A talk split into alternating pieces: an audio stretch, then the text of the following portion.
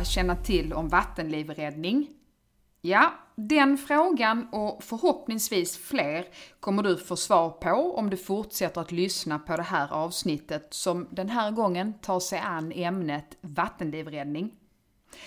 MSB Revinge podd är ju som namnet antyder en podd som sänds från MSB skola i Revinge vi sänder en gång i månaden och i varje avsnitt så bjuder vi in en gäst som får berätta om sitt specialämne i något av skolans alla ämnen.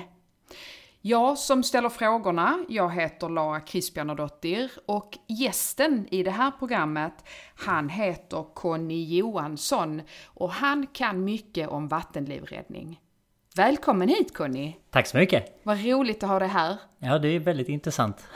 Ja, du, ja. jag tänker så här att du ska börja med att berätta lite om dig själv. För de som inte vet vem du är. Ja, eh, Conny Johansson heter jag. Eh, har jobbat här ute nu, ja vi börjar närma oss nästan 20 år. Det är helt otroligt vad tiden går fort. Eh, egentligen är jag målare från början. Eh, så att eh, det kan vara lite intressant att man har börjat en bana, sen har man jobbat sig vidare. Och sen efter det sen har jag börjat på skolan och då hette det ju Räddningsverket innan och nu MSB och allt det där. Ni som har varit med innan. Eh, har specialämnen inom räddning. Och så att eh, jag kommer väl förhoppningsvis tillbaka igen för jag har arbete på höjd också. Så att eh, det är väl en av de delarna. Trafik jag jobbar ihop med Göran som har varit innan. Och sen är det vatten. Och där är vi ett par stycken som hjälps åt och eh, tar an utmaningarna som finns med vattenlivräddningen. Spännande. Du, jag tänkte på det här att eh, förra sommaren så var det ju ganska många som drunknade tyvärr. Eh, som jag gissar att det är säkert kopplat till det fina vädret. Kan det vara så? Ja, det kan det absolut vara. Eh, det är ju det att när man väl har värmeböljor och annat så utsätter man sig mer för vatten. Och det är förståeligt, för det var både på morgonen och på kvällen man var gärna var i. Så att absolut. Mm. Så att då undrar jag egentligen, vad är det man behöver tänka på nu här inför sommaren som badgäst?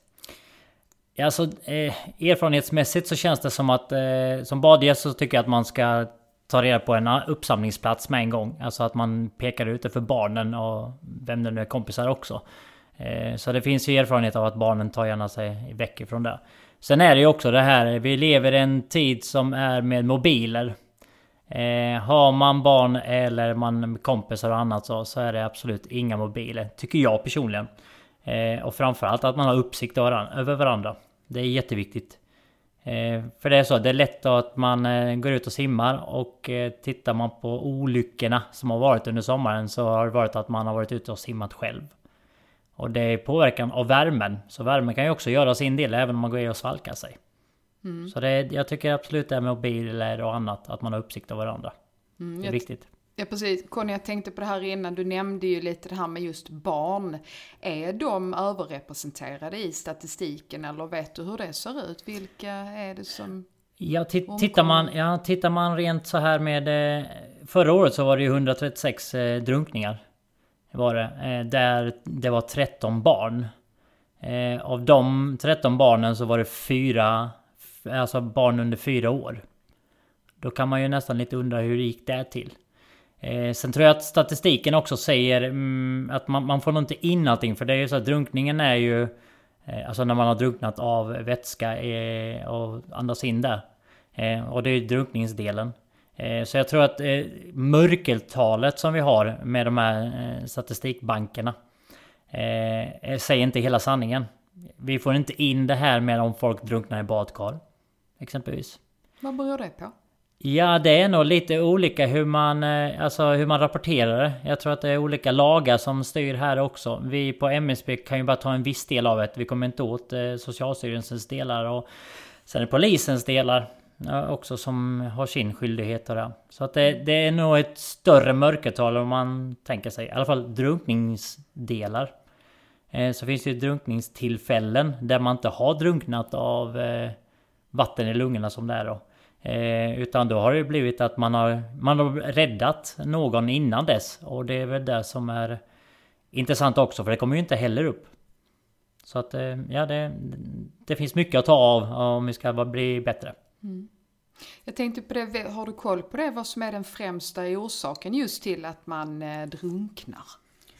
Eh, ja, ja, det är så olika det där. Eh, för tittar man på det med ren statistik är det att män är överrepresenterade. Och eh, tjejer därefter då. Eh, jag tror det ligger på en 80, 82% av eh, männen och sen har du då 18% av kvinnor. Eh, sen är det också lite beroende på med eh, vilken ålder man är i. Eh, man tar kanske lite mer risker i vissa åldrar. Eh, Barn brukar ju inte vara så vanligt om man nu tittar på det som tur är. Men det är ju vi män. Så att vi mm. kanske borde satsa lite mer på oss män att bli lite duktigare och tänka lite risker. Mm. Är, handlar det mer om att man eh, vågar eh, ta lite mer risker som man, om vi nu ska generalisera? Ja. Jag kanske ute på djupt vatten? Ja, det vet man det inte. Vet man inte. Nej. nej. Eh, nej, men jag tror att all, alkohol är ju en hel del eh, inblandat också. Mm -hmm. eh, sen är det ju också så att eh, jag tror man man missbedömer saker och ting. Alltså man, hit, man åker en utström eller andra saker som man inte har räknat med. Eh, så att det, det, är, och så kan det ju också vara sjukdomar. Mm. Som också ligger bakom det. Mm. Men vi, det finns äldre och så som är viktigt att tänka på att när man kommer upp i den åldern att nu ska vi ta hand om detta. Mm. Du, inom, inom vilka utbildningar på skolan får man lära sig just om vattenlivräddning?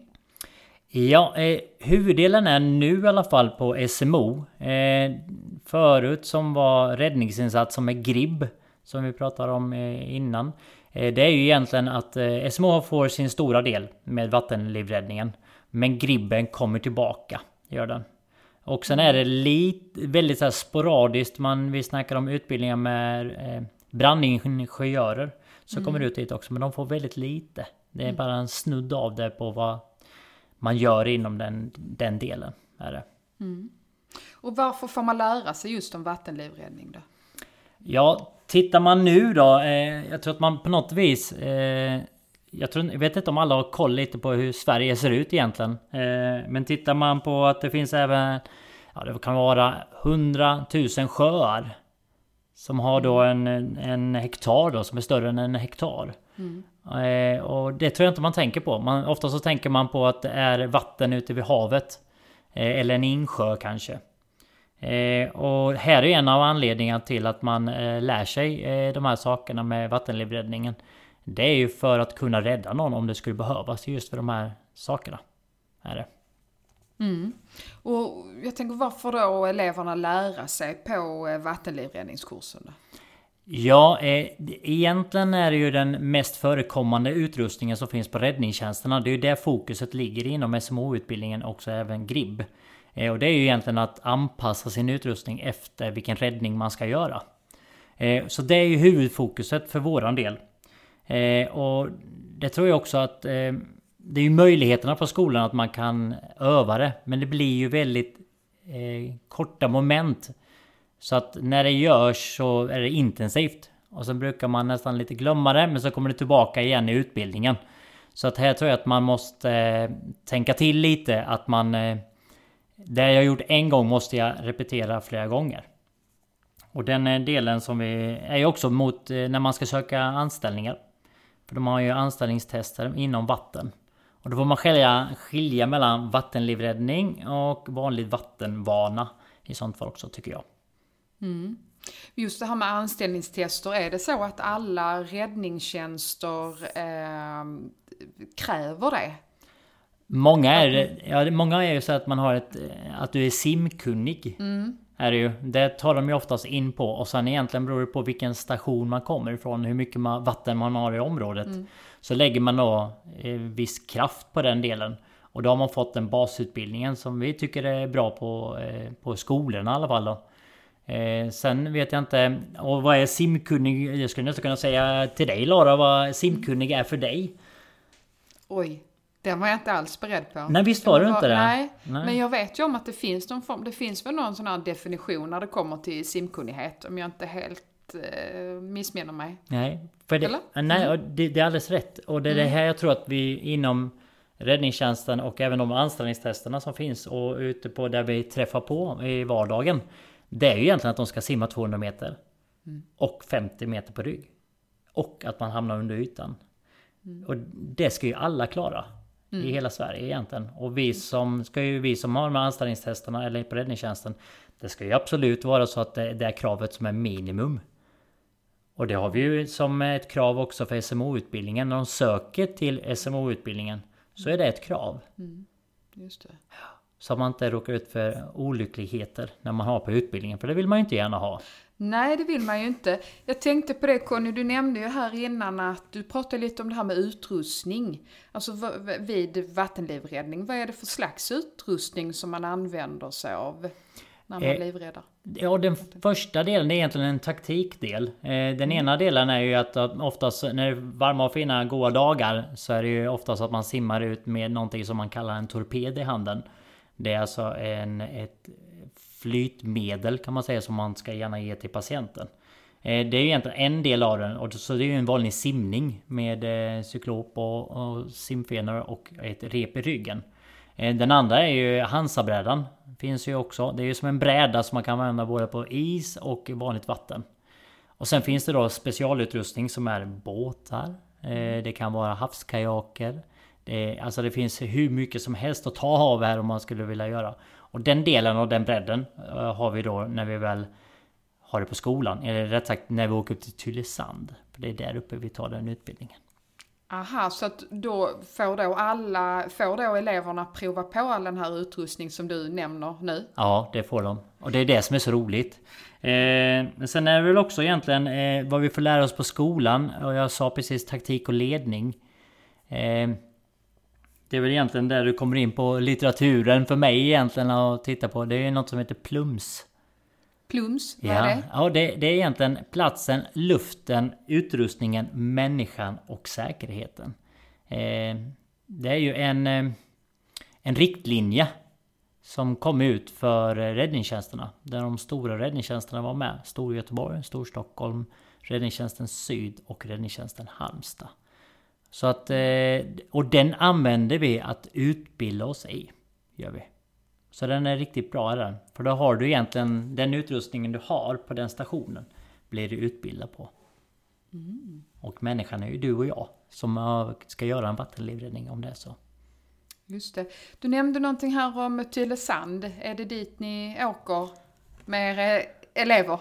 Ja det är det. Eh, ja, ja, tittar man eh, på de GRIB som kommer vara på skolan här och få vattenlivräddning så kommer vi vara ute i Tvedöra sjön. Den är nära här och vi har, vi har en, en viss del av utrustningen på skolan.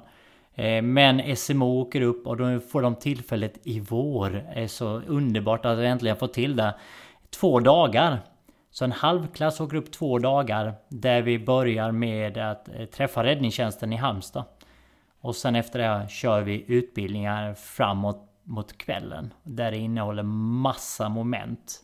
Jag vet inte om jag ska jag räkna upp dem alla eller vill du? Är det många? Nej, nej det är det inte. Nej. Så vi kan ta några av dem i alla fall så får vi en teaser till SMO-eleverna i alla fall. Yes. Eh, Räddningstjänsten träffar vi. Vi kommer också även åka ut till Livräddarskolan i Tylösand.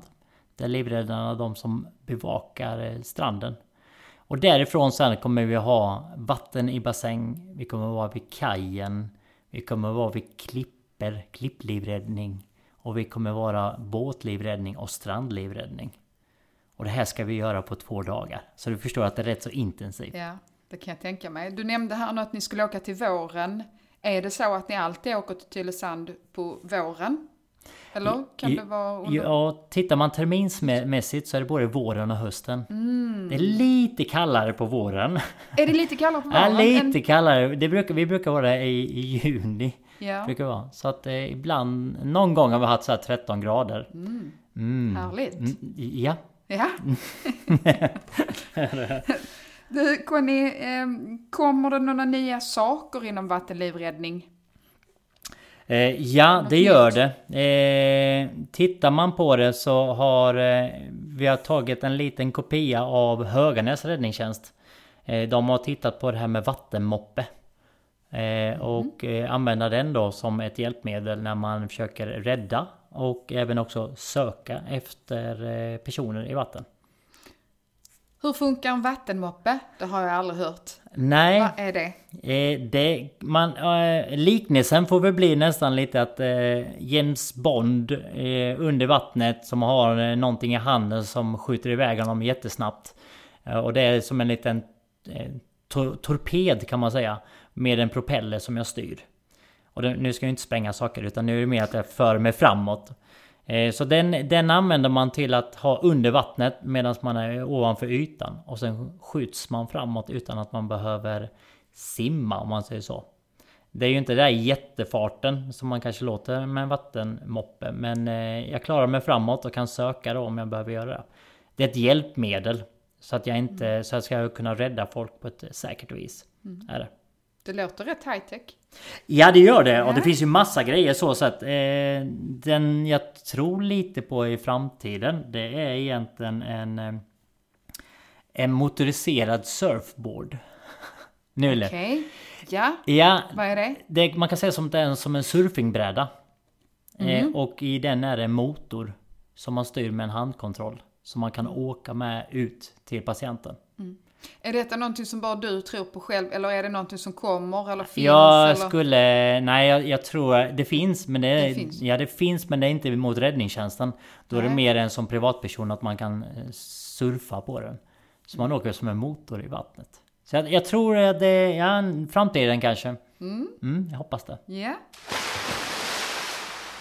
Du Conny, jag tänkte du var ju nyligen här eh, på en konferens om vattensäkerhet. Det var väl nu i veckan? Ja, det var det. Ja. Var, var det något särskilt som togs upp på den konferensen som du skulle vilja delge? Ja, den, den delen som jag tyckte var intressant eh, och det framtagandet av det var det här vattensäker kommun.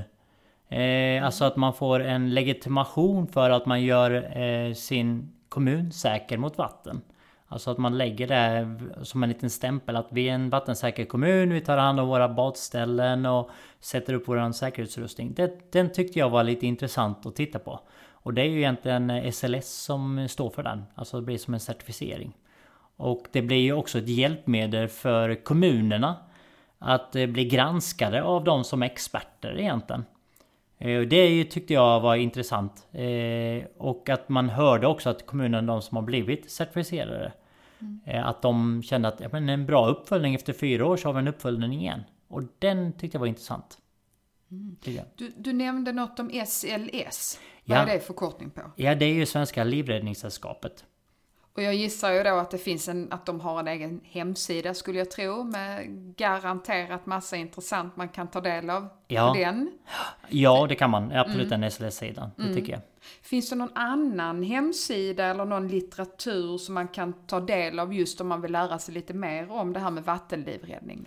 Ja, jag skulle egentligen vilja säga eh, Livräddarna i Halmstad. Eh, det är egentligen där uppe vi är. Eh, de har ju en, eh, en utbildning också för havslivräddare. Eh, och den eh, gör man ibland så att man tar en eh, utbildning av, för räddningstjänster på tre dagar. Så att de komprimerar ihop den. Så den, den tycker jag absolut är en hemsidan. Eh, sen skulle jag också vilja slå ett slag för egentligen den här som jag pratade om innan med Stor-Stockholm och Stor-Göteborg. då. Den här vägledningen inom, eh, den finns ju att söka på nätet. Det får vi googla i sånt fall. Men den, den tycker jag, riktlinjerna för ytlivräddning, den är jättebra är den. Ja. Och den ger vi ut till SMO-eleverna också. Men den är bra att titta på. Mm. Du, du hade inte någon titel på den här vägledningen utan man, eh, man får helt... Ja, den heter ytlivräddning inom kommunal och räddningstjänst. Okej. Kommunal, räddningstjänst. Ja. Så det, och då får man upp den med en gång. Det, det är inte många som finns där. Det är typ en. I så fall. Okej. Ja. Eh, Conny, är det någon särskild händelse som du skulle vilja delge som du har varit med om under en vattenlivräddningskurs? Ja, jag, nu lyssnade jag på de andra poddarna förra gången. Eh, och jag tyckte det var intressant med den här Hall of Fame. Eh, väggen som eh, Henrik och eh, Therese hade. Just det, Ja. när, när de pratar om eh, andningsskydd. Ja, det var det. Eh, och, men då, då tänkte jag också på någon så här, om eleverna har gjort något roligt. Och då tänkte jag ja men det här, det här brukar ju vara en klassiker egentligen. Så, eh, på skolan så hade vi eh, två stycken olika torrdräkter. Alltså när man ska i vattnet när det är kallt. Så man slipper bli jättevåt. Så eh, på den ena dräkten var det två kedjor man var tvungen att stänga. Och på den ena dräkten var det en kedja som man skulle stänga. Mm, mm. Eh, och när vi var ute vid Tvedörra, för det här var då ute med eleverna. Och då var det, då sa man till varandra, glöm nu inte, och så gjorde man det. Och sen när eleverna hoppade i vattnet så var det en som sa Nej, det är hål i dräkten. Mm.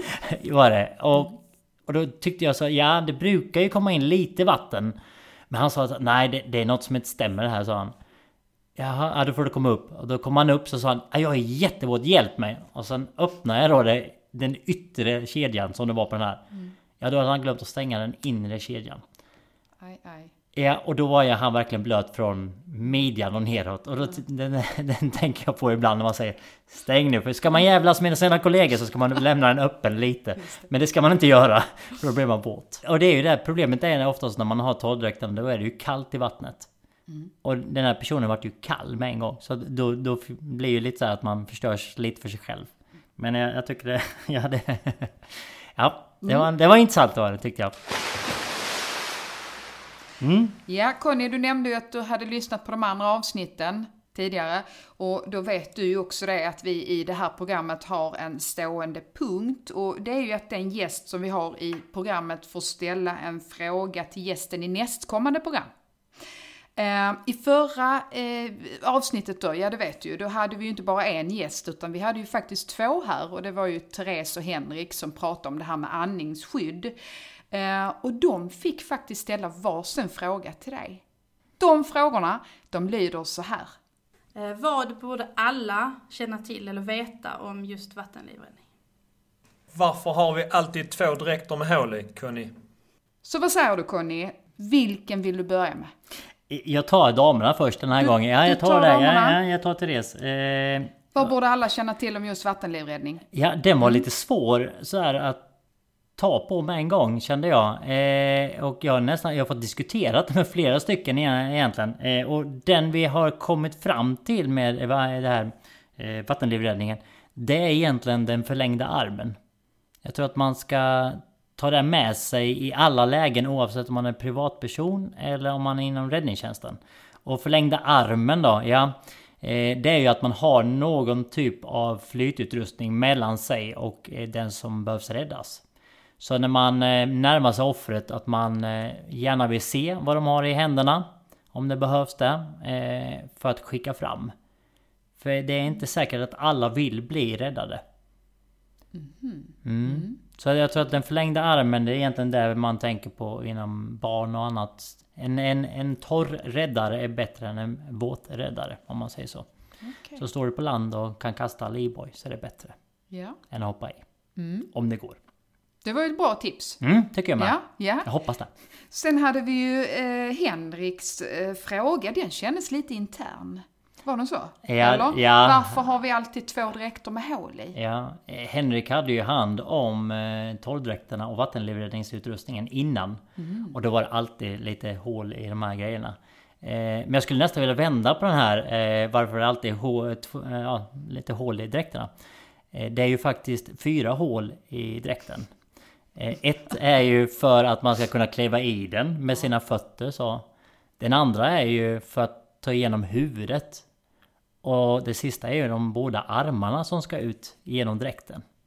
Så egentligen är det ju fyra hål. Men du, är det inte fem? Egentligen om man räknar huvudet, två armar, två ben. Ja, men det är ett stort hål egentligen när man ska i dräkten. Okej. Ja, det var lite... Men... Du ska lära på att ställa frågorna. Mm. Just det. Mm. Men okej, okay, då fick Henrik svar på sin fråga, hoppas vi nu. Ja, det hoppas jag också. Yes.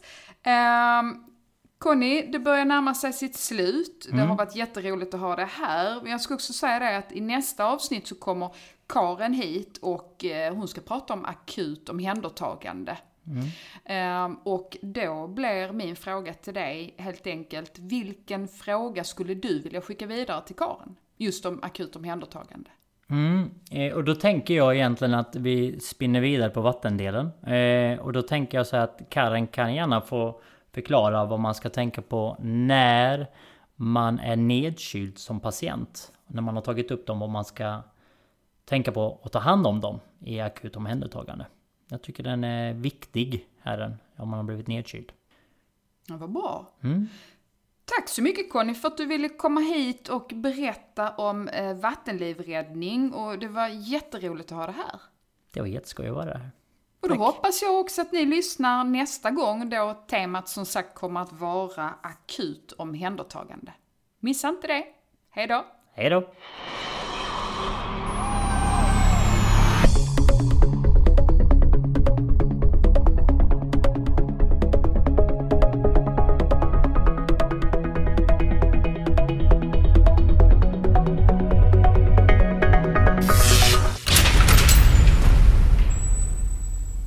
Hänvisningar till litteratur och andra resurser hittar ni på vår poddblogg msbrevingepodd.wordpress.com. Ni har hört Conny Johansson, lärare inom räddning på MSBs skola i Revinge. Intervjuade gjorde Lara Krisbjärnadottir. Signaturmelodi av och med tillåtelse av Christian Ur. Ljudupptagning och redigering av Charlotte Kristoffersen. MSB Revinge, mars 2019